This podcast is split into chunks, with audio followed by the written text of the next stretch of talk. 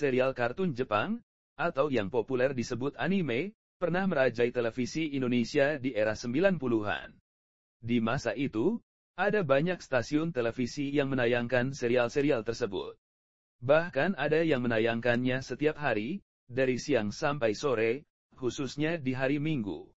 Serial-serial film kartun dari Jepang itu, pastinya membekas di ingatan kalian yang tumbuh sebagai kanak-kanak di tahun 90. Bahkan memasuki tahun 2000-an hingga sekarang pun, tontonan tersebut masih laku keras, meski mediumnya sudah beralih via streaming atau file unduhan. Ada banyak sekali tokoh kartun 90-an produksi Jepang yang dulu sangat populer di masa tersebut.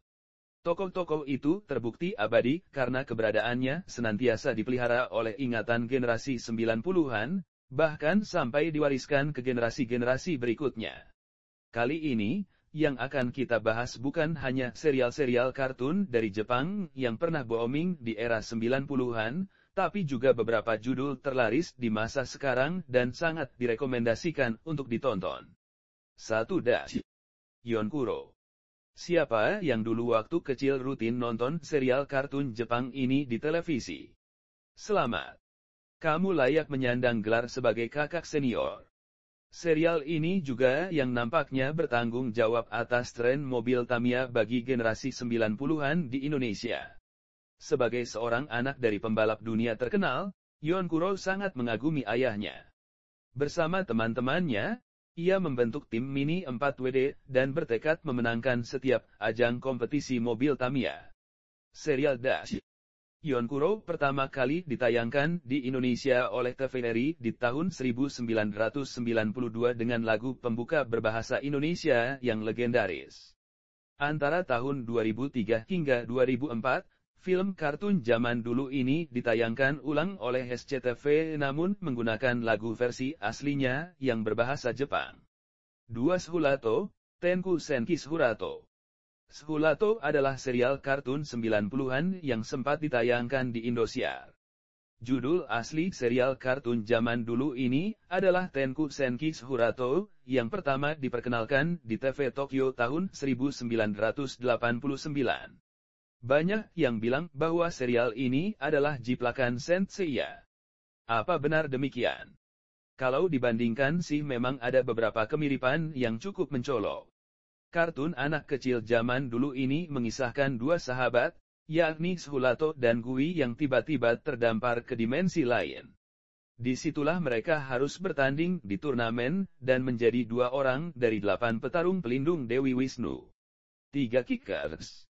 Sebelum ada Kapten Subasa, dunia kartun Jepang pernah sukses memperkenalkan serial dengan tema sepak bola ini. Ceritanya berpusat di sebuah SD di Kitahara, yang memiliki tim sepak bola namun terseok-seok akibat tidak punya striker. Lalu datanglah Kakeru Daichi yang masuk sebagai sang striker. Perlahan, tim itu berhasil bangkit dan masuk ke turnamen besar dengan segala perjuangan yang ditempuh. Masih ada yang ingat dengan kartun anak kecil zaman dulu ini. 4 Time Quest atau Time Travel Tondekeman.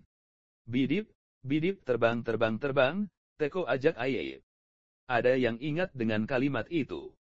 Atau jangan-jangan malah tidak pernah mengalami kejayaan serial kartun jadul ini. Serial Time Quest atau Time Travel Tondekeman adalah kartun Jepang yang mengisahkan Hayato, seorang anak SD yang bersahabat dengan seorang cewek bernama Yumi. Mereka berdua berjumpa dengan Profesor Leonardo, yang membuat mesin waktu dari sebuah teko. Tak sengaja teko itu malah aktif dan mereka akhirnya terdampar ke masa lalu. Nah, di situlah letak serunya serial yang sangat kocak ini. 5 Doraemon Doraemon, salah satu kartun Jepang yang tidak ada matinya. Mungkin saja di antara kamu yang sedang membaca artikel ini ada yang belum lahir saat serial populer ini pertama ditayangkan di televisi Indonesia. Selain itu, tokoh-tokoh kartun jadul ini pun sangat populer dan berpengaruh ke keseharian anak-anak hingga orang dewasa. Siapa coba yang tidak kenal sosok Doraemon, Nobita, Shizuka, Giant, dan Suneo? Hebatnya lagi. Dari dulu sampai sekarang, Nobita dan kawan-kawannya awet muda. Hehehe 6 Minki Momo. Momo adalah gadis cilik yang punya kekuatan magis buat mengubah dirinya jadi apa pun juga. Serial kartun anak kecil ini juga sangat populer di era 90-an. Boleh dibilang, hampir semua bocah cewek yang punya televisi di masa itu pasti tak pernah absen menonton serial ini. Satu hal lagi, lagu pembuka serial Minky Momo sering diakui masih terbayang-bayang oleh mereka yang dulunya rajin mengikutinya di televisi, Love Love Minky Momo, cobalah kau dengarkan.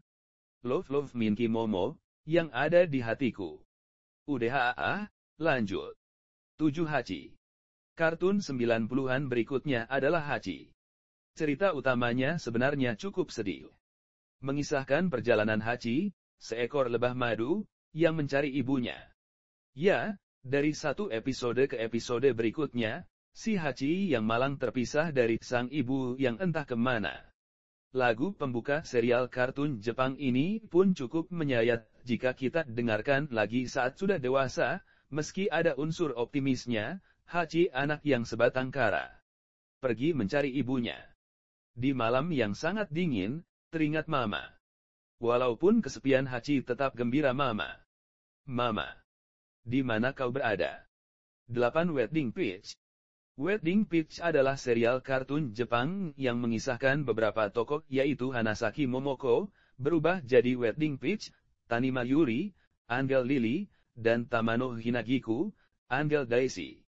Mereka menjalani kehidupan sehari-hari sebagai anak SMP dan juga sebagai pembela bumi dari kejahatan. Uniknya, waktu mau melawan musuhnya, mereka harus berubah dulu pakai gaun pengantin, baru berubah lagi memakai pakaian siap tempur. Ya, kalau dipikir-pikir memang rempong juga cara henshinnya karena si penjahat bisa keburu kabur. Tapi cerita dari serial kartun Jepang ini cukup seru dan fenomenal loh. 9 sen ya. Hampir semua tokoh kartun Jepang dalam serial ini menyedot perhatian anak-anak generasi 90-an. Sewaktu pertama kali ditayangkan di televisi Indonesia, serial ini langsung meledak.